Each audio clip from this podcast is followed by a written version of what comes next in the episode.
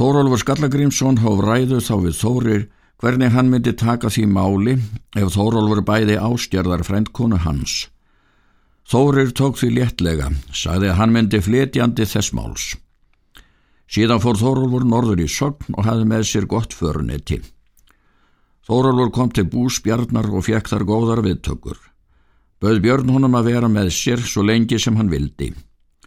Þórólfur bar brátt upp verindi sitt við Björn, hóf þá bónor sitt og bað ástjörðar dóttur Bjarnar.